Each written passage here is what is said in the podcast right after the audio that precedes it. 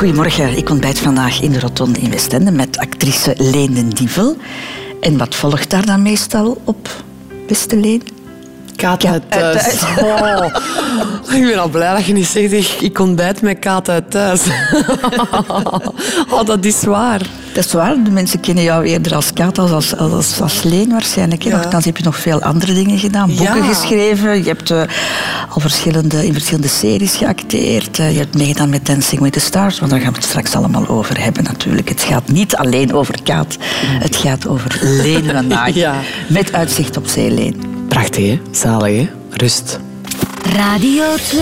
De Rotonde met Christel van Dijk. Drie jaar geleden zei je nog, tot hiertoe was mijn leven een hindernissenparcours.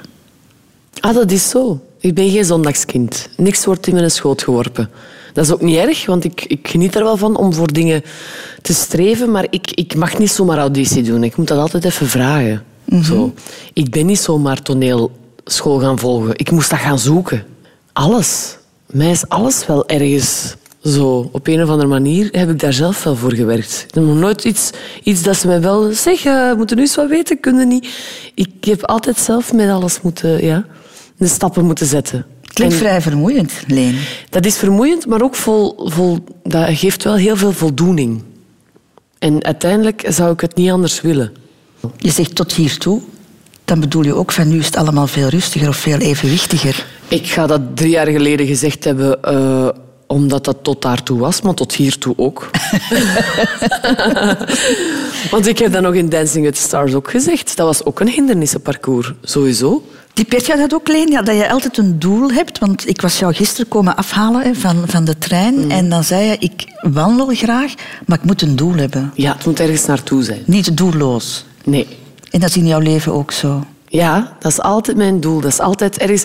En niet elke stap die ik zet, hoor. Maar eh, ga rechtstreeks naar dat doel, maar dat zal altijd wel ergens een weg zijn of zo. Ik denk, ah, maar als ik dat doe, dan... En als ik dat doe, dan... Ik heb dat nodig om mij te motiveren, denk ik. En gisteren, die wandeling, in mijn hoofd was dat dan... Ik ga met een goede latte zoeken. Heb ik niet gevonden hier in Westende. dat was van een flauwe koffie verkeerd, maar toch, ik had een doel. Je bent actrice, je komt elke dag op televisie als Kaat. Thuis. Ik zeg het toch nog maar eens. Een programma waar meer dan een miljoen mensen naar kijkt. Hè. Mocht jij geen, geen Wikipedia-pagina hebben, dan zou dat eh, toch maar raar zijn. En op jouw Wikipedia-pagina lees je onder meer dit. Leen den Dievel, Kooigem, 1 december 1983, is een Belgische actrice en schrijfster. Kort en bondig. Maar als we jou beter willen leren kennen, Leen, dan zijn de rollen die je speelt misschien minder belangrijk. Maar dan moeten we toch eens kijken naar wat voor persoon jij was vooraleer je bekend geworden bent. En dan hebben wij pas een relevante Wikipedia-pagina waar Han Koeken voor gezorgd heeft. Leen den Dievel is geboren op 1 december 1983 te Kooigem als derde kind en enige dochter in het gezin den Dievel. Trotse mama Martien schetst voor ons een klaar beeld van haar dochter. Leen was een gemakkelijk kind, een braaf kind. Maar die zei altijd haar gedacht en dat doet ze nu nog. Ook op vlak van eten had ze haar gedacht, lacht mama Martien. Leen had eigenlijk alles. Buiten witloof in esp. Moest ze witloof in esp hebben, maar zonder witloof. Stellige Leen wist wat ze wou en kon haar mannetje staan tussen haar twee oudere broers. Meer nog, ze deed duchtig mee, weet broer Bart. Als mijn moeder een mooi vlechtje in haar haar deed, morgens, dan was dat na een uur was dat alweer los. Door te ravotten en te spelen eh, bleef dat er allemaal niet lang in. Ook haar juf Giselle Champagne van het derde leerjaar ziet het nog zo voor haar. Ze klom in bomen en ja, ze speelde jonge spelletjes mee. Kleine Leen was duidelijk geen girly girl en moeder Martien had de grootste moeite om haar een rok aan te praten voor haar eerste communie. Dat was een gebloemd rokje en een wit blouseje daarop. En dan een groen gileetje daarboven. Dat vond ze echt niks, dat zag ze niet graag. Voor haar beste communie heeft ze dan zelf gekozen. Een broek. En met Leen met de broek viel alvast niet te sollen. Daar was broer Dirk alvast meermaals getuige van. Had ze zo wat klem gezet, zeker. En ze was kwaad, hè. ze kostte wel wat kwaad zijn. En ze shotte haar gat in de deur en ze liep naar boven. Dat gat is er trouwens jaren in gebleven, die deur. Maar stoere Leen had een hart van goud. En op school was hij geliefd door iedereen, verzekert juf Giselle. Het was een hele lieve meid, altijd behulpzaam en ze speelde met iedereen, met jongens, met meisjes. Het was haar om het even, ze was zo'n beetje allemans vriend. Voor wiskunde was Leen geen modelstudent. Maar als het op taal aankwam, stak Leen er met kop en schouders bovenuit, zegt juf Giselle trots. Leen was zeer taalvaardig. Ze schreef hele verhalen, ze had veel fantasie. En als er schoolfeestjes en zo waren, vloeide Leni heel open als ze op het podium kon staan en haar ding doen. Ook haar docent aan de kunstacademie in Brugge, Inge Schaillé, had al snel door welke weg Leen zou bewandelen. Zij zou actrice worden en zij zou er alles, alles aan doen om te kunnen spelen. En plots kreeg ze de kans om te gaan acteren in de reeks 16+. En het was kiezen tussen dat en haar studies aan het Lemmens Instituut. En ze koos voor het eerste, met alle gevolgen van dien. En de rest is history. Een stukje jeugd. Ja, zalig. Oh, en Inge Schaillé ook. Top. Ja. Doorzettingsvermogen, dat heb ik onthouden. Ja. Uit, en eh, ook een beetje halve jongen. Ja, ik ben opgegroeid met twee broers, maar ik denk niet dat dat, dat zit in mij... Pff, ik- ben ook een West-Vlaming, hè. dus dat is al gewoon... Zo, we staan ervoor en we moeten er deuren, zo dat.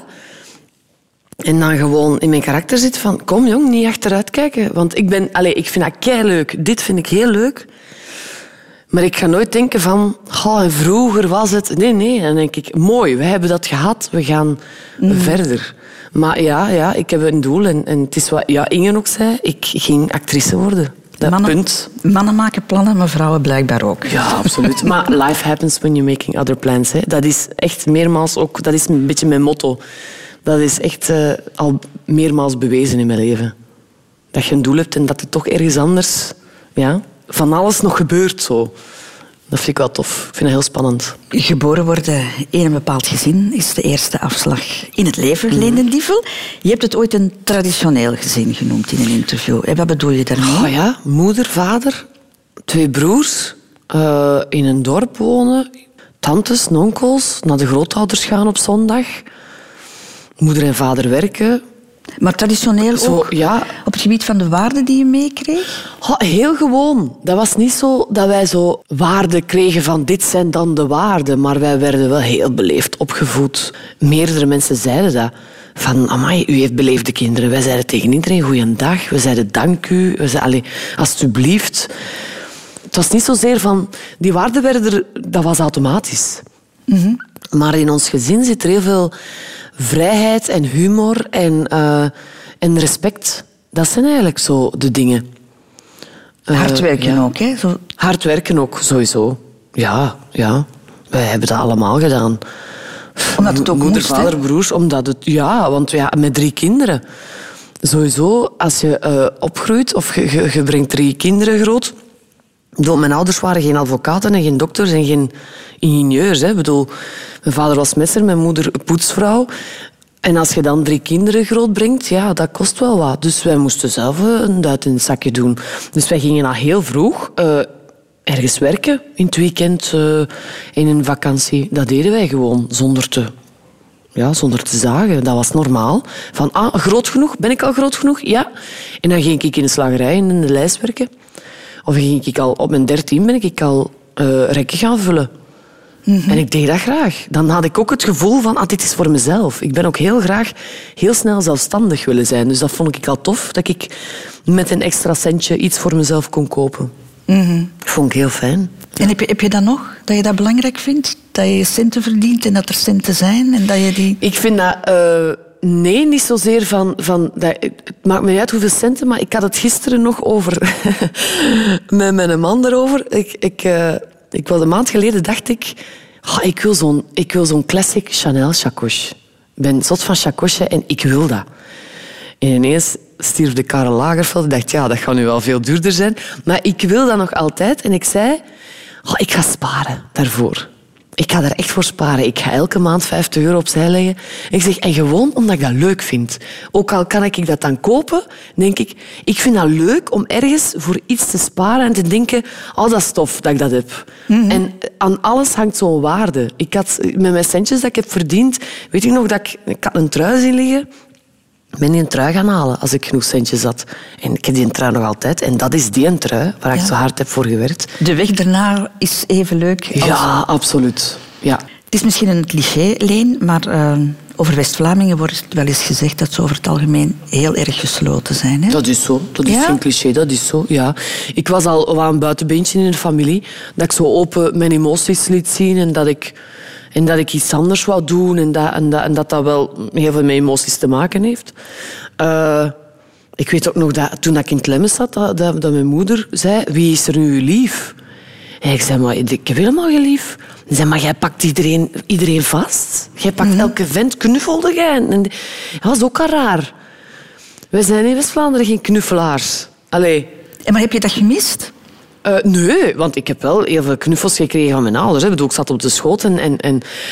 Dus als kind wel, maar wij zijn niet... Nu wel, hè. Nu, nu gaan wij zo... Ga ik mijn broers vastpakken en zo, maar vroeger, dat was niet... Dat was niet eh, eh, het ding of zo. Nee, ja, de grootouders wel dan. Zo. Maar jij was het buitenbeentje, want jij praat wel graag over emoties. Ja, En- en- och, ja, ja. En ik, ik, ik benoem ook alles.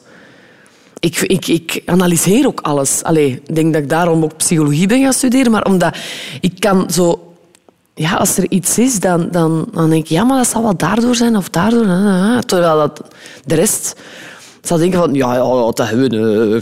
eh, maar, ik voel me niet zo goed van dat. Zo, zo dat. Dan denk ik, ja, oké, je voelt niet goed. Maar ja, het zal misschien wel ergens... Ik ga dan de oorzaak gaan zoeken en ik wil hen helpen. En ik wil, ik wil dat benoemen. Emoties mogen benoemd worden. En in West-Vlaanderen is dat niet altijd het geval. Je was het meisje na twee jongens. Ja. Heb je een prinsesje gevoeld? Het lang verwachte meisje? Totaal niet. Man, nee. Het prinsesje. Mijn moeder wou wij wel echt... Ja, die vond dat fantastisch, hè, rokjes en al. Oh, ik weet nog dat ze met sandalen aankwam. Witte sandalen met bloemetjes. En ik wou gewoon sandalen van de stok Amerikaan blauwe. Zo gewoon waarmee dat je kon voetballen en al. Maar eh, qua prinsesje bedoel je dan eh, het verwend worden en zo? Ja, Want het meisje na die twee jongens is zo... Nee. Ik ben een meisje. Nee, want ik ben ook de meest zelfstandige van de drie. Dat zullen mijn broers wel beamen, dat is gewoon zo. Eh, en en pff, ik hoefde niet als een prinses behandeld te worden, totaal niet. Ik was gewoon een van de drie en ik wou vooral ook gewoon meedoen met de twee anderen. Allee, ik vond alles wat mijn oudste broer had cool in zijn kamer. Ik dacht, oh, ik wil die sticker ook, ik wil die poster ook en dingen. En met mijn jongste broer wou ik mee voetballen. En ik vond dat ambetant als mijn neef en mijn broer dan uiteindelijk iets ouder werden. En ik als meisje mocht niet binnen in de kamer. dacht ik, allee, tju, hè, hier zit ik dan. Terwijl ik dacht, ja, I'm toch one of the guys. Zo. De keuze om op een podium te staan. Mhm. Linden Dievel, wanneer heb jij beseft dat je dat graag deed? Ha, Ik weet dat ik in het, in het lager hè, bij juffrouw Giselle graag, als we een gedichtje moesten voordragen, had ik daar van alles bij gemaakt. De rest droeg gewoon zijn gedichtje voor, maar ik had dan... Allee, een voorbeeld te geven, 11 november, wij moesten dan een gedicht doen, hè, wapenstilstaan. En dan had ik zo een doos gemaakt, was dat zo gezegd een kist. En, en deed ik daar van alles mee. En ik deed dat gewoon graag. In de Giro, ik nam de hoofdrol als we toneeltje speelden. Maar ik wist niet dat je actrice kon worden. Wist ik veel dat dat een beroep was, dat je daar iets verder kon in doen. Ik dacht, ja, ik doe dat gewoon graag. En wist je ook dat je het goed... Dat het, dat, Ja, dat je het wel dat ik het goed kon. Ja. Ja. dat werd jou ook gezegd. Ja, maar ik voelde dat ook. Ik denk, ik ben de beste. Ik lees heel goed voor. Eh, ik kan hier heel goed voordragen. En ja, ja, ik wist dat. Maar ik dacht dat ik turnjuf ging worden. Wij zijn alle Ah want je drie heel sport sportief. gedaan. Hè? ja. Je hebt in het middelbaar eerst sport, Ja. Ja. sport gedaan. Dus ik dacht, ja, ik ga turnjuf worden. Totdat ik eh, Ingeborg in het mooiste moment bij Luc Kappermond hoorde praten over een school zonder speelplaats. En dat heette Herman Teirling. En daar kon je toneel studeren. En ik zei tegen moeder, oké, ik word eerst turnlerares en dan ga ik naar die school. Tot het begon te kriebelen. Ik dacht, nee, ik doe heel graag sport, oké, maar ik ga er mijn beroep niet van maken. Ik wil nu toneel doen. En dan ben ik naar PMS gestapt. Je was 16 toen, hè? Ja, en gevraagd van eh, waar doen ze dat nu? En dat was in Brugge. En ik ging met mijn schoonzus, eh, mijn oudste broer, mijn jongste broer en mijn moeder naar, eh, naar, een dinges, naar de open deurdag. En mijn oudste broer liep daar rond zo van, amai, had ik de kans gehad, dan had ik dat ook gedaan. Schrijf daarin. En, we- en wij, ja, voilà. Ik zei, kom, kom, gaan we ons inschrijven? Mhm. Maar je hebt zelf de stap gezet. Naar Ja, PMS ah, ja. gegaan, alles, Ja. alles uit. Ja, alles uitgedokterd en daarmee thuisgekomen. Kijk, kijk, ik heb een flyer van een school. Dat lijkt me leuk. Kan je het moment nog herinneren dat je besefte van... Dit is niks voor mij, die sportschool. Ik, ik, ik wil dit gaan doen. Eh, de motivatie, va- wij moesten lopen. En ik ben geen loper. Ik ga dat nooit zijn. Ik, ik loop graag als het om te voetballen is, als het om te handballen is. Als het er, allez, zo weer, hè. ergens met een doel, maar niet zo, ik ga gaan joggen of zo. Nooit gedaan. Maar wij moesten wel in atletiek moesten wij wel lopen. En ik vond, dat, ik vond de motivatie niet om zo echt... te ik had soms nul. Dat ik denk, ja zeg, hé, ik loop ik hier toch op mijn gemak. eh, ik doe het al. En als ik niet voor iets gemotiveerd ben, dan wil dat iets zeggen. Dan wil dat zeggen dat ik dat niet moet doen. En dan denk ik, nee, nu, ik wil toneel spelen, ik wil dat doen. Ik wil dat... Ergens was, was er een drang zo groot dat ik besefte van, dit ga ik niet blijven doen. Ik ga geen turnles geven. Dus als jij in een situatie zit waarin jij je niet goed voelt, dan ga je meteen op zoek naar Ah, ja. alternatieven. Ja, dan ga ik mijn tijd daar niet verder aan verscheiden. Dat is echt zo. Dat is echt zo. En dan kan ik radicaal zeggen, stop, nu stop ik. Eh, ja, ja.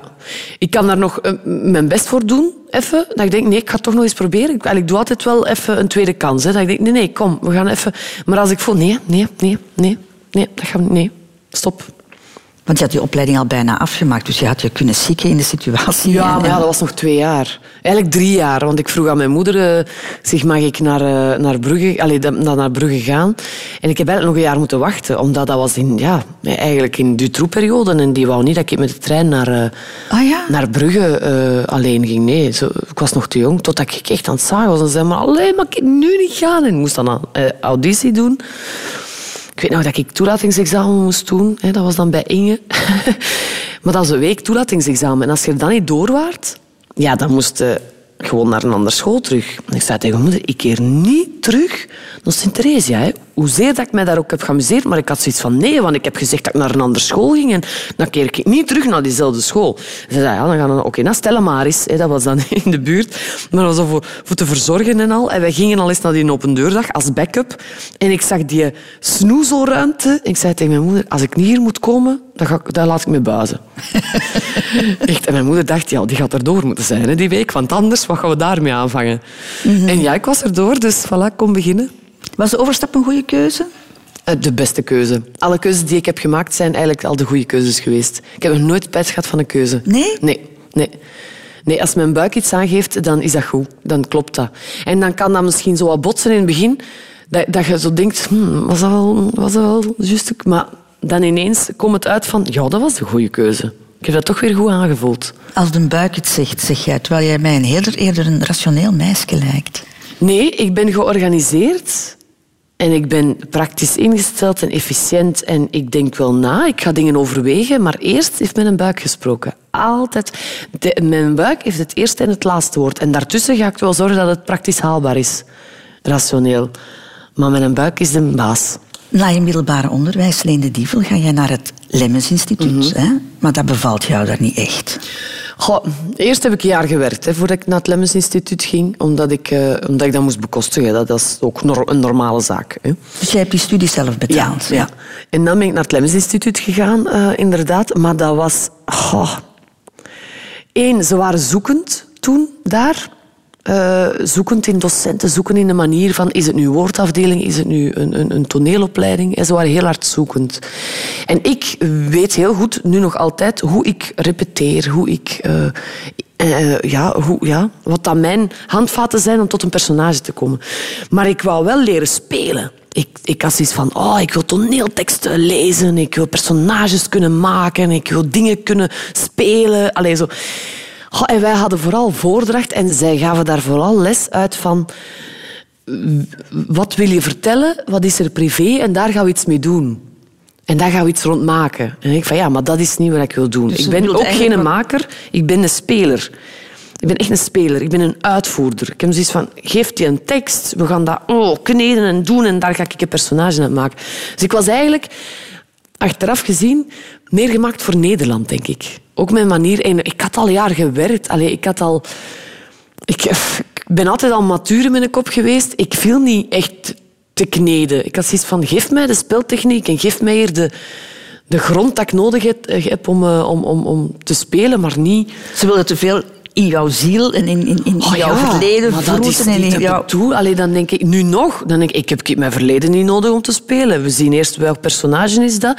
Eh, kan ik me daarin vinden? Kan ik daar empathisch mee zijn? Eh, wat kan ik vanuit mezelf gebruiken inderdaad om dat personage eh, vorm te geven? Maar ik ga het vooral uiterlijk gaan zien. Van, allee, niet, niet vanuit mezelf, want ik heb al mezelf mee. Het is al het lichaam en de stem van Leen die ik in het personage steek. Dat is al genoeg. De rest moet uit dat personage komen. Of uit dat verhaal.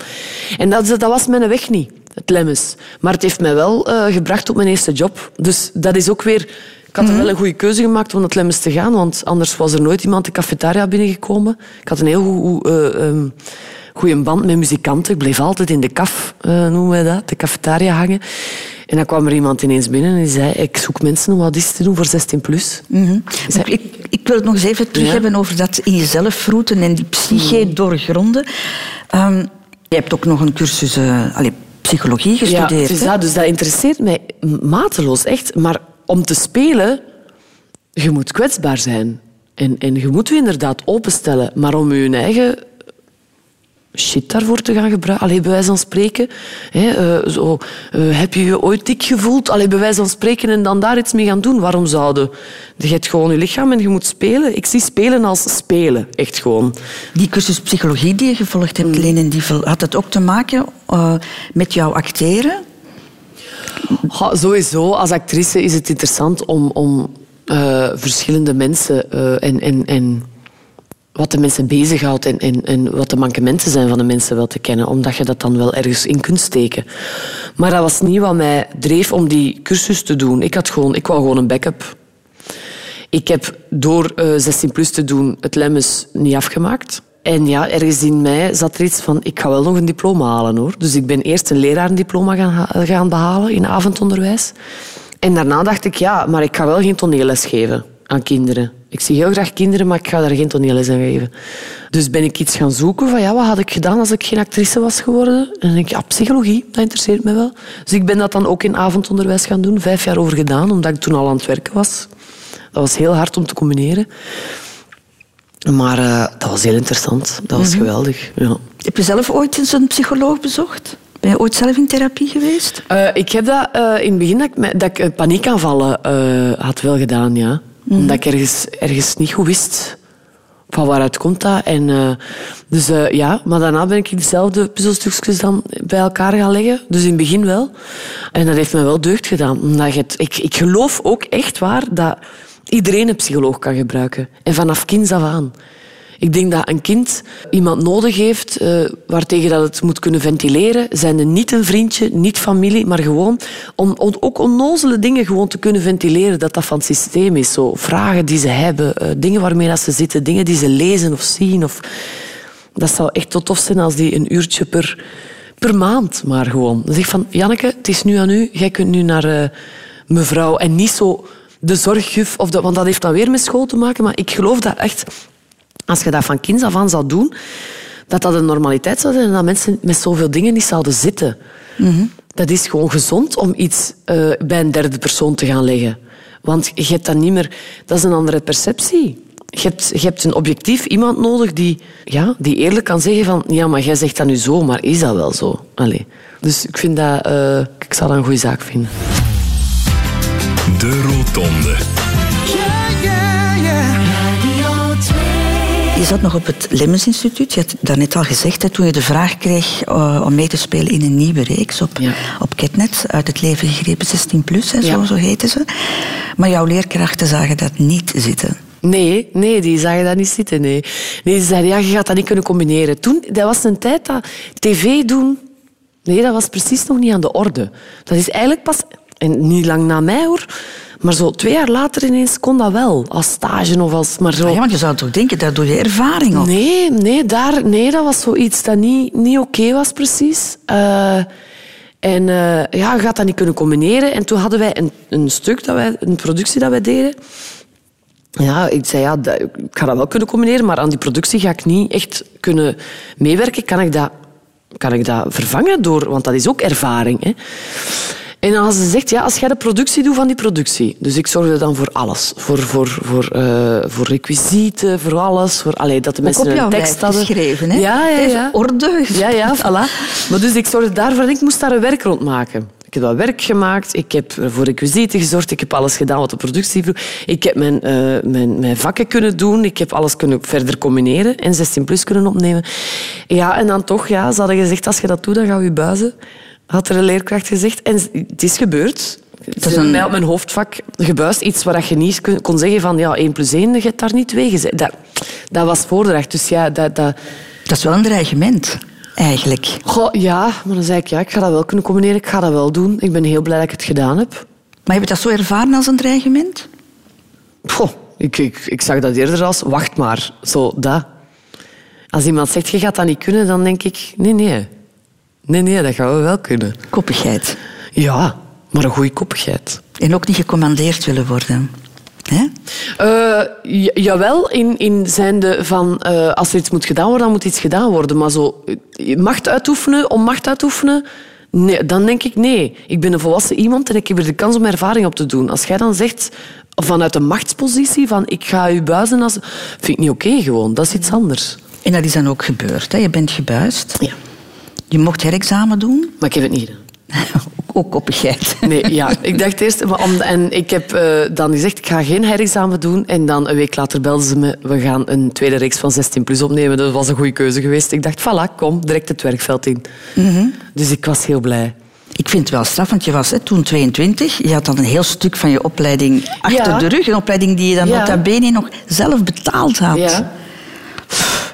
Ook een risico dat je nam, niet? Oh, uiteindelijk, hè, er is niemand die mij achter mijn diploma vraagt. En ik was de persoon niet voor die school. Die school is nu keigoed, hè, echt waar. De mensen die daar studeren, ik zou zeggen, je gaat er naartoe. Die is keigoed, die is ook- hervormd. Er zijn, er zijn eh, goede docenten, er worden goede gastdocenten. Maar toen waren ze zo zoekend en ik was gewoon niet de juiste persoon op, op de juiste plaats daar. Dat was niet mijn tijd. En ik zeg het, had ik het... Was ik later geboren, dan was ik naar Nederland getrokken.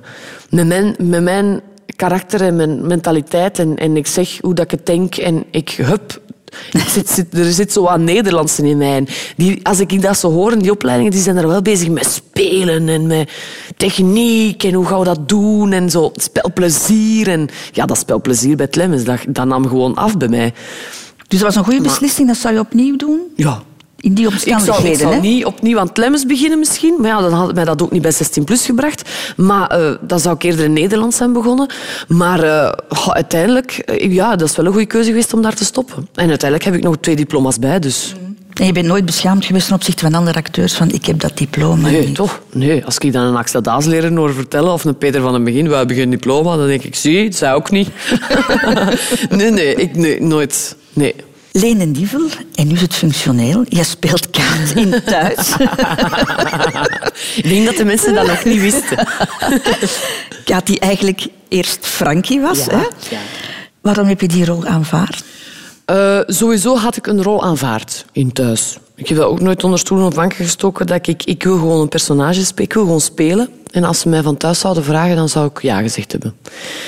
Maar ehm, het was de derde auditie die ik deed daar. In het, De eh, in het thuishaven, ja. Ah, voor wie heb jij nog een auditie gedaan? Ja, voor is een gastrol als flik. En dat andere weet ik zelfs niet meer. Ah, een lief van Jelle, denk ik. Maar ik, ik weet het niet meer. Enfin, eh, wat goed bleek, dat ik die twee niet had. Want ja, kaart spelen, dat is... Allez, Frankie 3.0 eigenlijk al ondertussen. Ehm, eh, was wel echt een eh, ja, personage met, met pak aan. Hè. Dus ik heb geen seconde getwijfeld. Die zeiden, ja, wil dat auditie doen voor eh Kaat? Het is een transvrouw. Top, ja, ga ervoor. Dat, was geen traditionele rol, dat zou sommige mensen misschien Nee, en best zal ik altijd heel blij om zijn. Omdat dat iets is, dat, dat gaat nooit niet meer...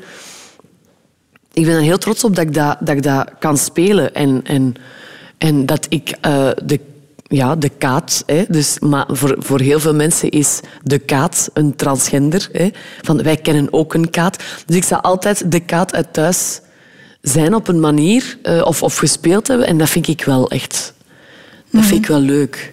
Nu, door het aanvaarden van die rol heb je wel een heel groot deel van jouw privacy opgeofferd natuurlijk. Ja, dat is helaas, hè, ja. Ja, dat is wel zo. Terwijl je altijd zegt, ik bescherm mijn intimiteit en mijn privacy ja. heel ja, erg. En ik doe dat nog altijd. Ik ga zo, dit bijvoorbeeld vind ik heel leuk, omdat ik heb dan, eh, eh, dan heb je zelf iets gezegd of zo.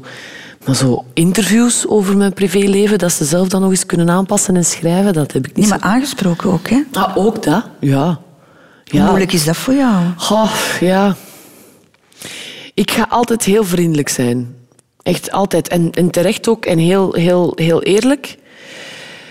Maar ja, soms hebben we daar gewoon geen zin in. Soms zit je niet goed in je vel. Soms ziet het er niet uit. Komt er van ergens dat je denkt van dit... ah, poeh. En mensen hun grenzen vervagen. We zijn in 2019 en dat is niet meer zoals vroeger.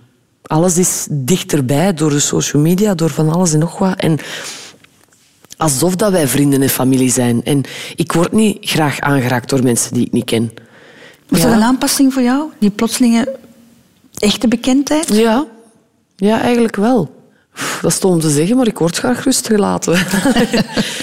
ja, maar dat hoort erbij. Hè. En ik heb ook liever dat mensen mij aanspreken dan dat ze zo... Ik ging onlangs in een restaurant eh, eten en mensen waren van ver zo, zo een selfie aan het nemen omdat ik in een achtergrond zat. Ja, nee. Dan ga ik, mij, dan ga ik mijn kop naar beneden. En dan denk ik, dat is, dan is dat geen goede foto. Dan moeten ze maar naar mij komen en zeggen, mogen een foto. Dan mogen zij allemaal een foto hebben. Echt, het kan me niet schelen. Ik ga recht staan, ik ga een foto nemen. Geen probleem. Maar vraag het.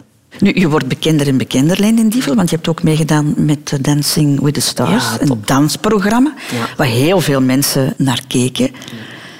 Waarom heb je daar ja op gezegd? Dat stond op mijn bucketlist. Sterren op de dansvloer jaren geleden begon bij VTM. En ik dacht direct, als ze dat vragen, dan gaat alles opzij. En ik heb het ook gedaan. Ik heb van zodra dat ze, dat ze, dat ze Dance with Stars gingen doen. Ik ging, eh, want we, we hebben allemaal auditie gedaan om te zien hoe ver we stonden in dansen enzovoort. En omdat we, of dat we snel oppikten. En ik wist dat ik auditie had gedaan. Ik wist niet of ik erbij ging zijn. En ik had direct aan de, aan de schrijvers van thuis, aan de producer ook, gevraagd van... Kun je mij er vier maanden uitschrijven? Want het kan zijn dat ik Dancing with Stars ga doen. Zo graag wou je dat. Ja, en die zeiden, ja, maar als je er niet bij bent en dingen, want dan, ja, dan is het uitgeschreven. En dan, ah, ik zeg, dan is dat zo. Dan heb ik dan vier maanden rust. Heb je zelf, eh, dan- ben je gevraagd ervoor of heb je zelf gebeld? Ik Van, heb ook mag ik- gelobbyd, ja. ik hoorde het en ik dacht, ja, kom, we moeten lobbyen. Ja. Ja, ja. Dat gaat niet passeren, dat ik daar niet... Dat gaat niet. Dat gaat niet. Dat durf jij. Ja, maar dat brengt u ook ergens. Allee, bedoel, ik heb ooit nog kampioenen ging stoppen. FC de kampioenen. Ik ben daarmee opgegroeid. De eerste vier seizoenen, ik ken die, ken die van buiten, die zijn geweldig. Hè. Maar dat stopte dus. Ik dacht, dat gaat geen waar zijn. Dat dat hier gaat stoppen en dat ik er niet heb ingezeten. Dus ik heb gevraagd, gevraagd, gevraagd, wie is de producer? Ik heb naar Rick eh, een eh, e-mail gestuurd. Ik zeg, kijk, zeg, ik lees in de krant dat kampioenen gaan stoppen. Ik ben een actrice, ik ben opgegroeid met FC de kampioenen. Ik zou het heel spijtig vinden als ik geen gastro zou kunnen komen doen voor het stopt. En hij stuurde mij terug. Leuk dat jij dit stuurt. Ik heb niet meteen een gastro voor u, maar dat zal er zeker nog in zitten. Maar heb jij geen zin om mee te komen brainstormen met de schrijvers voor het, voor het eh, laatste seizoen? En ik zei ja. Dus ik zat daar aan een grote tafel eens, gewoon puur omdat ik een mail had gestuurd dat ik eens een gastro wou doen in FC de Kampioenen. Waarom zouden we dat niet doen? Ik bedoel, Sven de Ridder, toen dat hem nog in het echt Antwerps theater zat, ik heb ook altijd gezegd, Sven, als je iemand zoekt daar, ik doe heel graag comedy. Ik kan dat ook wel, maar ik wil dingen bijleren. Eh, dus als je een rol hebt voor mij, hè, ja, dan niet in het Antwerps, of misschien wel, want dat kan ik ook, mocht je mij altijd bellen. Dan zei ik, ik ga dat onthouden. En jaren later speel ik bij Sven de Ridder. Omdat hij wist van, die wilt wel. Heb Je je, moet zo, dat duidelijk maken, of naar de mensen toe, of naar het universum, hè, wat, hoe dat je het ook mocht noemen. heb je zoveel zelfvertrouwen, zoals je laat uitschijnen? Ik heb zelfvertrouwen in de dingen dat ik weet dat ik kan. Bijvoorbeeld bij Dancing with Stars. Ik wist wel dat ik kon dansen, maar ik wist niet... Hoe gaat dat zijn? Ga ik dat, dan ga ik niet zoveel zelfvertrouwen uitstralen, omdat ik zoiets van even aftasten. Maar van zodra dat ik wist, ik mag erbij zijn en ik kan dat zelfs winnen, dan... Ja, ik, je, moet niet bescheiden doen, je moet niet bescheiden doen om bescheiden te doen. Hè. Ik weet wat ik kan en ik weet wat ik niet kan. En als je het niet kan, dan zal, jij er wel voor zorgen dat je het wel kunt. Ja, of als ik het niet kan, dan ga ik het ook gewoon niet doen. Of ga ik ermee stoppen. Als ik voel van, dit gaat niet. Om maar een voorbeeld te geven. Hart is uitgekomen als mijn eerste boek. Nu, dat onderwerp leende zich ertoe om daar een bepaalde stijl in te steken. En ik begon Asem te schrijven en ik heb pas mijn, eh, mijn manuscript afgegeven aan een uitgever als ik echt wist, dat is goed. En dat is weer... Want ik dacht van, ik ga dat misschien niet meer kunnen. Misschien was dat een toevalstreffer, die een hart. En ik was het schrijven en dacht, ah jawel, ik heb wel een stijl. Dat is dezelfde stijl en ah, dat is hoe dat ik schrijf en ik doe het graag. En, en het is nog goed ook, ik geef het af. Maar als het niet goed was geweest, dan was het in een vuilbak beland en had niemand over Asem gehoord. Je hebt twee boeken geschreven, Leen en Dievel. Eén over liefdesverdriet, daar gaan we het straks nog over hebben. En eh, dan is er jouw tweede, eh, meest recente boek, Asem. Gaat over eh, angst en, en, en paniekaanvallen. Een getuigenis eigenlijk hè, van wat jou zelf overkomen is. Ja, ik begin met een getuigenis, omdat ik vind dat je aan de lezer wel moet duidelijk maken van ik heb het ook, je bent niet alleen. Dat vond ik heel belangrijk. Met hart had ik dat minder, omdat dat, dat was algemener. Liefdesverdriet kent iedereen, maar paniekaanvallen is heel specifiek. Maar ehm, ja, dat was iets waar ik mee wakker werd. En dat is ook het beginverhaal dat ik vertel. Is ik werd wakker in, in mijn bed, zomaar, omdat ik me verslikte. En mijn hart ging tekeer. Ik was aan het zweten, kon niet goed ademen. En ik dacht, ik heb een hartaanval. En ik was alleen thuis. Oedo zat in Berlijn. Ik was aan het dus ik heb een vriend gebeld. Want ik ging op het toilet zitten en het werd zwart voor mijn ogen. Ik dacht, ja, dat is hier zover. Hè. Dus ik ben op de grond gaan liggen, benen omhoog. Gebeld naar een vriend. Ik zeg, ja, ik denk dat ik een hartaanval aan het doen ben. Wilde komen, die heeft een sleutel. Die is binnengekomen, had zijn bloeddrukmeter erbij. En zei, wacht eens, allez, zet u eens even. En dat ging dan over. Een week later had ik griep, dus ik dacht, ja, het is dat, hè. dat was een voorbode hè. op de griep gewoon. Hè. Stommerik. Allee. Even geen last van gehad. Eh, dan had ik het weer. Ben ik met het spoed gegaan. Zeiden ze hyperventilatie. Dan weer eh, wat verdwenen. Eh, dan had ik het weer op reis, elke dag. Elke dag had ik dat op reis. Mijn linkerarm deed pijn. Ik had, kon niet goed ademen. Ik kon, ik, ik, hartkloppingen, zweten. En elke dag dacht ik, ja, ik ga een hartaanval. Ik, dat is een voorbode van een hartaanval. Wij daar naar het spoed. En daar zeiden ze mij... You have anxiety, miss. En dat was, oh, dat was precies zo... Hoe zou je dat vertalen? Paniek, Eh, paniek, angstaanval, Ja. eigenlijk. Ik, ik dacht, waarom? Ik ben een stabiel iemand. Hè? Ik weet wat ik wil, ik weet wat ik niet wil, ik weet hoe dat ik in elkaar zit. Maar dit heb ik nog nooit. Ineens werd ik zo labiel als iets. Dan denk ik, wat is dat, wat is dat? Ik ben hier bang van mijn eigen lijf. Dus ik ben dat gaan onderzoeken. En hoe meer dat ik dat aan het onderzoeken was, en hoe meer dat ik daar ook last van had, ik sprak dat gewoon uit tegen mensen. Ik zeg, ja, het kan zijn dat ik mij wat afzonder of dat ik me- niet goed voel, maar dat is omdat ik een paniekaanval heb. Ik zeg, ik weet niet wat dat is, ik weet niet. En dan iedereen zei altijd, ik ook, ik ook. Ik zei dat precies allemaal tegen de juiste mensen. Ik dacht, maar zoveel mensen. En ik was dat aan het onderzoeken. En voor mezelf, wat ik vond eigenlijk van informatie, begon ik neer te schrijven voor mezelf. Om een soort van little black book in mijn chakos te hebben. Als ik een paniekaanval had, dat ik dat kon bovenhalen en even leen, relativeren, lees dat even. Maar ja, hoe meer mensen dat ik aansprak, hoe meer mensen het hadden en het kenden en zich ook afvroegen wat en hoe. En ik dacht, ja, de weg is open hè, naar de uitgeverij. Ik heb al een boek geschreven, waarom schrijf ik daar gewoon in plaats van een Little Black boek, gewoon geen boek voor iedereen. En zo is Asem er gekomen. Het is eh, ontstaan, of, of nee, ik moet het anders zeggen. Je hebt die paniekaanvallen gekregen in de periode dat je ook erg bekend werd. Hè? Ja, maar dat is bij mij zo. Hè. De, van de oorzaak van... Er is een waaier aan oorzaken. Ik bedoel, mensen kunnen het hebben vanuit... Want daarvoor ben ik naar Dier de Wachter gegaan. Mensen kunnen het hebben vanuit... ehm, vanuit de buik, als ze in de moederbuik zitten, de angst dat, doorgegeven wordt door de moeder. Hè. Eh, tijdens de opvoeding, door hele kleine dingen. Dat kan zijn dat je bij een vriendje hebt gespeeld en dat die moeder heel angstig was en dat je dat daardoor hebt overgekregen, wijze van spreken. Eh, het kan door een trauma zijn, een accident dat je hebt gezien, weet ik veel, eh, ergens vastgezeten, maakt niet uit. Het kan ook zijn dat je, ehm, als je perfectionistisch bent en hooggevoelig, dat zijn karaktertrekken die daar ook eh, veel toe doen. Hè. Dat zijn zo wat de oorzaken. Of het kan iets echt in de hersenen zijn, dat kun je alleen maar met medicatie oplossen. En ik heb ontdekt door dat boek te schrijven dat ik wel hooggevoelig ben. Ik ben blijkbaar heel vatbaar voor prikkels en, en het kan snel te veel zijn. En ik ben een perfectionist, dus zeker en vast. Had het al geweest en zal dat altijd zijn. Helaas. Dat, is ook, dat, dat heeft ook zijn goede kanten, maar ook zijn mindere kanten. Maar door die karaktertrekken ben ik eh, in de periode dat ik bekend werd... Ja, ik, wil- je wilt alles goed doen. Je wilt op alles ja zeggen. Je doet dan ook alles. Je agenda zit vol. Het is heel druk. En als je hoogsensitief bent, dan kun je niet meer die prikkels verwerken die je in een hele dag hebt binnengekregen. Door de mensen rondom u, door van alles dat je moet doen, van hot naar her. En, je wilt het ook allemaal goed doen. Dus mijn karaktertrekken hebben ervoor gezorgd dat ik daar eigenlijk gewoon heel vatbaar voor was. Voor angst. En, ehm, en daarvoor heb ik die paniekaanvallen gekregen. De triggers, want dat is nog iets anders. De triggers bij mij waren dan te weinig slapen, hè, eh, geen tijd voor mezelf, ehm, over alles nadenken. Heb ik dat wel goed gedaan? Heb ik dat wel goed geformuleerd? Heb ik dat wel... Zo, dat allemaal. Dus dat is voor mij, dat weet ik nu. En nu kan ik daarnaar handelen. Maar voor iedereen is dat echt een, ja, dat is voor iedereen anders. En heb je dat perfectionisme een beetje kunnen van je afzetten? Dat je daar... Dat is een goede vraag, Christel. Ik weet het eigenlijk niet. Ik zal dat eens moeten ondervinden als ik zo... Ik weet het niet, maar ik kan niet direct... Ik denk het, denk het wel dat ik ergens wel al bij sommige dingen zeg... Dat is goed genoeg. Maar ach, dan moet ik toch al ja, mijn best doen. die lat zo hoog leggen, dat is altijd op je tippen lopen. Op Ja, maar ik vind dat ook niet erg. Ik wil ook echt gewoon...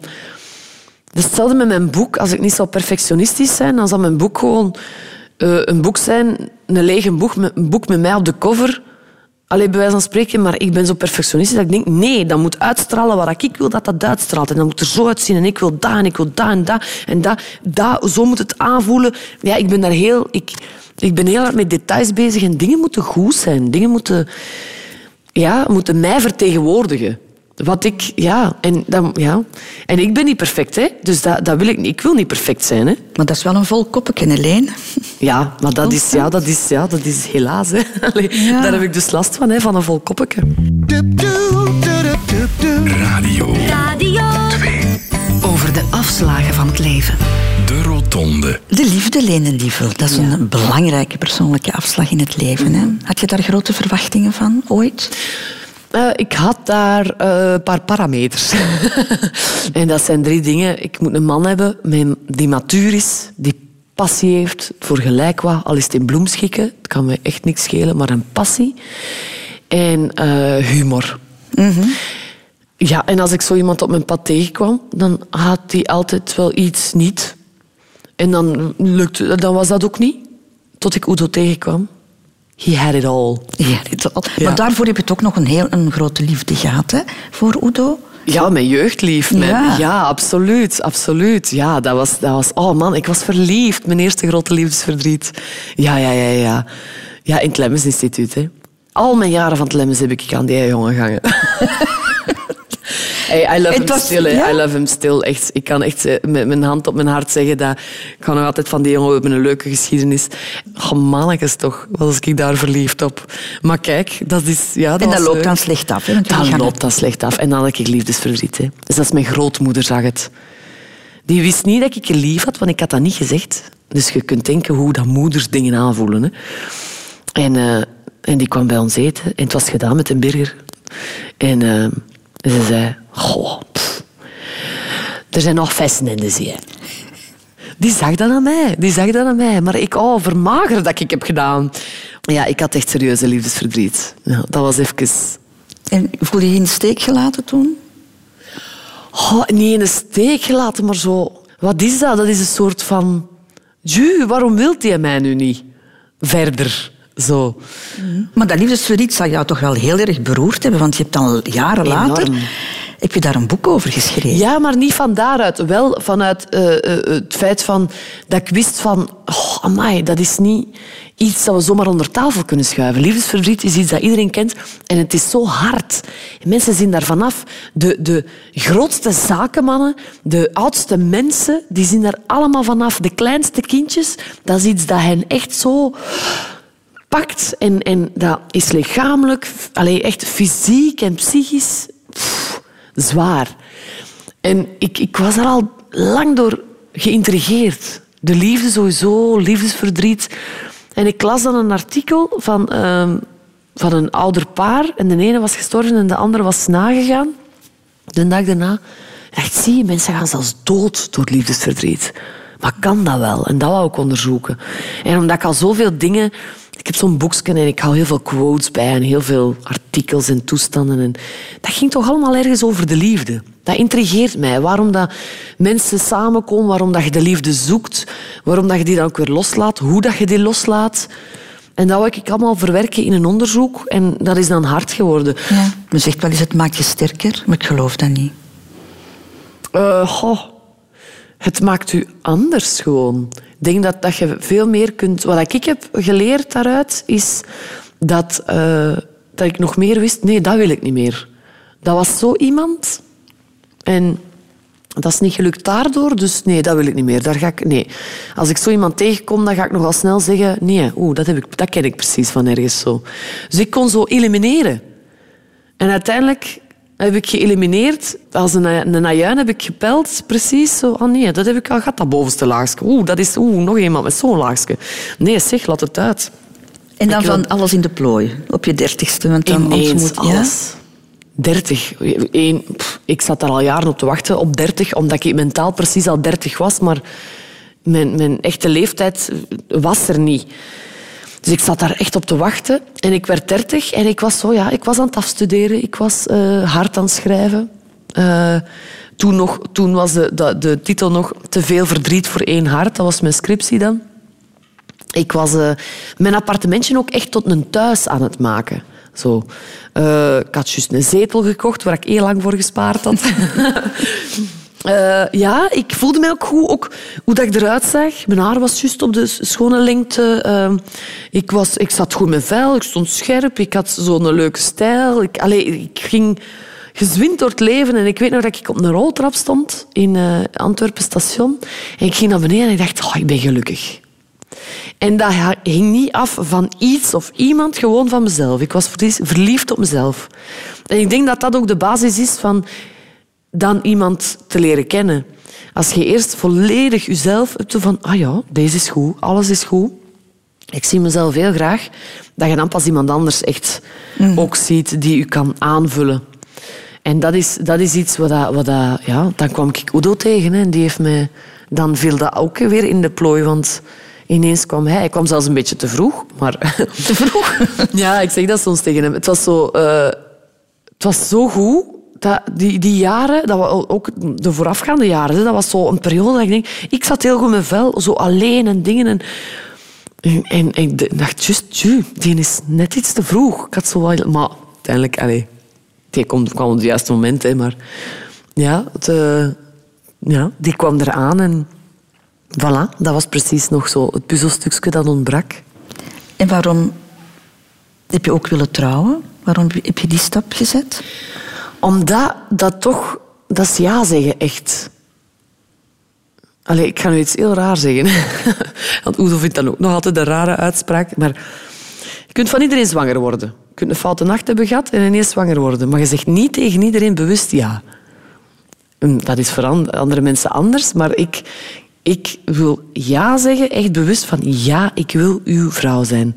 En sinds dat ik dat heb gezegd, zijn wij ook echt... Dat is anders. Wij zijn een team. Wij zijn niet meer elkaars lief, wij zijn elkaars man en vrouw. En wij zijn een team die door het leven gaan. Ja, dat vind ik wel leuk. Is, Je draagt ja. daar geen uiterlijke tekenen van. Hè? Je, Maar- je hebt geen ring aan. Jawel, ik heb wel een ring, maar ik ben die weer vergeten. Want als ik draai eh, voor thuis, dan, dan, eh, dan moet ik die uitdoen en weer aandoen en weer uitdoen. En ja, uiteindelijk, kijk, ik ben hem weer vergeten. Want ik wil die niet dat die op de tafel ligt in de loge en dat die ineens verdwenen is. Of dat ik die kwijt ben of zo. Dus ja. Zullen we de volgende vraag overslaan, Leen Dievel? Die je ook altijd krijgt. Oh, van kinderen? Ja. Goh, dat, mag, dat mogen jij vragen. Ik weet het niet. het kan zijn dat ik volgend jaar zwanger ben. Het kan zijn dat ik er nooit aan begin, maar ik voel het niet. De dood, Leen Dievel. Als je 36 bent, dan is die dood, hè, jouw persoonlijke dood, nog heel ver weg. Ja, dat ik. weet je niet. Hè. Maar in gedachten. Nee, gedachten, elke dag. Elke dag ga ik dood. Goh, ik heb er zoveel schrik van. Dat is waanzin. En daarmee ook dat die paniekaanvallen, dat is, eh, dat is ook het enige dat ik denk, is ik ga hartaanval, ook ga doodgaan. Dat is, het, dat is wat er in mijn kop zit dan. Nu niet meer, hè. Nu, nu, als ik een aanval heb van angst, dan heb ik een aanval van benauwdheid, maar ik schiet niet meer in paniek en ik heb die gedachten niet meer. Maar ik denk wel, ja, de dood, elke dag. Er zijn ook te veel mensen in mijn omgeving, ook pff, de laatste twee jaar, ook met een jonge leeftijd gestorven. Een En vriend, dat een is- vriend van jou is eh, Ja, overleden. ja. Onverwachts, hè? Ja, ja. Zomaar, die was kerngezond. Dat was een LO-leerkracht. Eh, de vooravond van, van, van een nieuwe schoolweek zit hem eens in een zetel en, en het zou een hersenbloeding zijn. Hij voelde niks blijkbaar, zei zijn zus. Maar die was kerngezond. Die sportte, die, allee, die deed niet baldadig of niks. Zomaar. En wakkert zo'n verhaal jouw angst nog meer aan? Amai, ja. dat is echt... Ik vind dat verschrikkelijk. Ik kan niet loslaten en zeggen van... Ja, ik ga, ik ga wel eens doodgaan. Ik denk van nee, ik heb nog te veel te doen. Ik heb nog dat en dat en dat en dat en dat dat ik wil doen. En ik ben nog te jong en ik laat mensen achter. Zeker sinds dat ik Udo heb leren kennen, is dat... Ik laat iemand achter.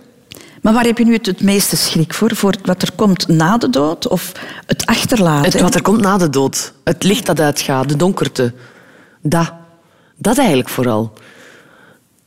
Ehm,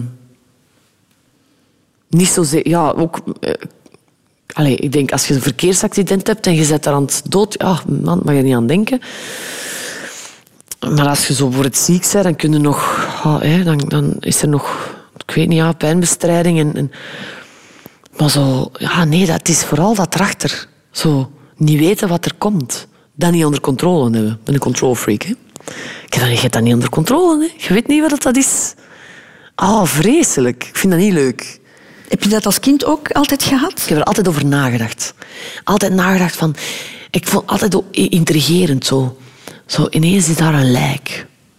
Dat is raar. En, dat is een lichaam en dat doet niks niet meer. En waar zou die persoon nu zijn? En zou die nog iets gedacht hebben? Wat zou die gedacht hebben op het einde? Zou zich nog vragen hebben gesteld? Ah, heeft hij alles gedaan in zijn leven? Zo. De dood is zoiets dat mij enorm fascineert. Op een of andere manier. Ik denk dat dat de, de, de, het dichtste dat ik bij de dood ben geweest was bij mijn grootvader. En ik denk dat ik er zo lang bij ben blij, bijgebleven ook. Omdat ik ook, ten eerste omdat ik die mens doodgraag zag, dat was mijn held. Maar ook omdat ik zag dat gebeuren en ik dacht, wat gebeurt er toch allemaal? En hoort hij nog iets? En voelt hij nog iets? En ik rook ook de dood binnenkomen. Allee, ik rook, ik rook dat op een bepaald moment. Ik ben er bij de laatste uren bijgebleven en, en dan kon ik het niet meer aan. Dan ben ik, ben ik doorgegaan. Ik ben naar, ehm, ben naar huis gereden en eh, met de bedoeling van ik ga nu douchen en dan ga ik direct naar Leuven, want ik moest een hele dag draaien. Ik ben toegekomen in Antwerpen en mijn moeder belde, het is gedaan. Dus een uur later Alsof hij wist dat ik thuis was. Zo. En dan, maar zo, dat, dat, dat fascineert mij. En waarom kon je dat plotseling niet meer aan? Het was te, oeh, nee, het was te dicht. Hij begon ook, zijn lichaam begon niet meer... Hij was niet meer pepé. En dat, nee, dat, dat, zijn lichaam begon er helemaal anders uit te zien. En vond ik, niet, oh, vond ik absoluut niet aangenaam. Je hebt ook meegemaakt natuurlijk de, de doodsangst van jouw grootvader. Hè? Want was Ja, wel, maar dat is gewoon... Dus ik heb dat wel... Allee, dat, dat, dat, dat, is, dat was heel hard als hij dood was. Maar langs de andere kant is dat ook heel schoon. Hij heeft een heel schoon leven meegemaakt. Hij heeft tot 94 geleefd. Maar hij is altijd bang geweest van de dood. Tot die laatste week. Niet. Die was niet bang. Dat was heel raar. Die voelde dat. Die heeft nooit uitgesproken, ik ga nu dood. Maar die voelde dat wel, want die was wel verdrietig. En dan keek hij zo eens naar mij dat ik zei van ik ging bloemetjes plukken dus in een ging die dan brengen. En, en die keek en die weende. En ik, ik zei, we moeten niet wenen, maar ik voelde van, jij denkt, oei, oei, ik ga die mensen allemaal moeten achterlaten. Maar hij was niet bang. Hij liet alles van, het is oké. En dat stelt me wel gerust. Maar het is ook een mooie dood. Allee, hij heeft niet afgezien. Dus dat is nu dat is weer iets anders natuurlijk. Maar hij, ja, nee, hij was. Oh, het maakte hem zo bang, de dood. Ik kon soms bij hem op bezoek gaan dat hij weet. nou, ik dacht dat ik gisteren ging doodgaan omdat hij dan ja, ook oh, ziek was of, of dat hem als een maag had. Of, oh, en, en, en man, nee, Pepe, hij gaat niet dood. En dan die laatste week niks. Heeft die dood jou meer aangegrepen dan de dood van je vader? Het was anders. Het was anders omdat één, je zit er zo dichtbij. Mijn vader, dat heeft zo... Mijn vader is meer, dat heeft naweeën. Omdat je, je, ik, ik studeerde nog toen mijn vader stierf. En je zit nog volop in de ontplooiing. En ineens... Mijn vader was ook gestorven. Ik was daar niet bij. Ik bedoel, Hij was op weg met zijn fiets en hij had een hartaderbreuk. Du- Dus die is... Hè, geen wonder ook dat ik denk dat ik een hartaanval ga doen. Bedoel, Het zit ergens in de familie. hè. Maar eh, die is eh, gevallen met zijn fiets door een hartaderbreuk. Dus ik was daar één niet bij, bij de dood. En ik was 19 jaar, ik was in volle ontwikkeling. Ik was met mijn toneelopleiding bezig. Eh, ik weet nog dat mij dat toen heel hard ook deed nadenken en, en ik relativeerde alles. Maar ik moest dat wel... eh, ja, dan moesten we door. Ik moest door met mijn studies en, en ik heb dat rouwproces anders beleefd. Ik beleef dat rouwproces nu pas. Precies. Omdat ik nu pas ook begin na te denken over... Je bent 19, dus je bent nog niet volledig ontwikkeld. En je hebt ook niet in je bewuste jaren uw vader meegemaakt. Ik heb in mijn bewust, bewuste jaren mijn grootvader meegemaakt. Dus ik zie, ik heb dat van hem, ik heb dat niet van hem. Zo is die, zo is die verder gegaan. Ik weet dat niet van mijn vader. Want jij bent aan het studeren, hij is aan het werken. Dus je ziet elkaar niet, niet, niet 24 uur op een dag, bij wijze spreken. En je bent met andere dingen bezig. Je bent met je vrienden bezig, met je opleiding, met dingen. En dan ineens is hij daar niet meer. Dus nu pas denk ik van... Hoe was die? Wat dacht jij? Wat heb ik van hem? Die klopt met de naam, er komt nu. Lene Dievel, 2018 is echt wel jouw jaar geweest. Hè? Jouw rol Ja. hè, als kaat in thuis, jouw boek eh, Dancing with the Stars. Mhm. Evenveel plannen nog voor 2019?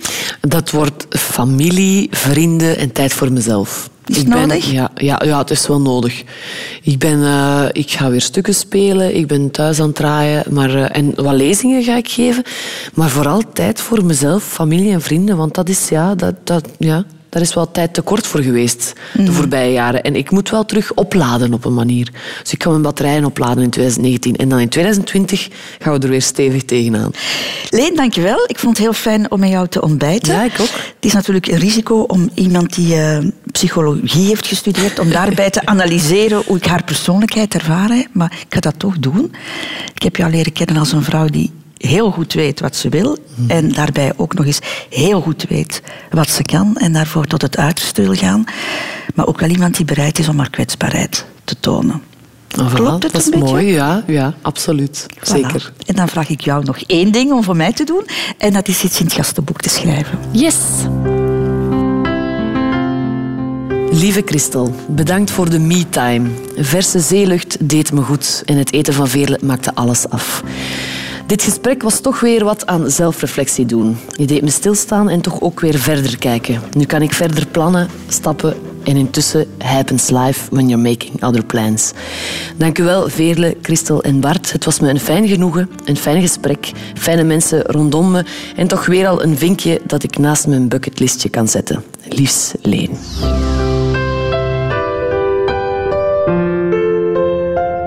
Radio 2.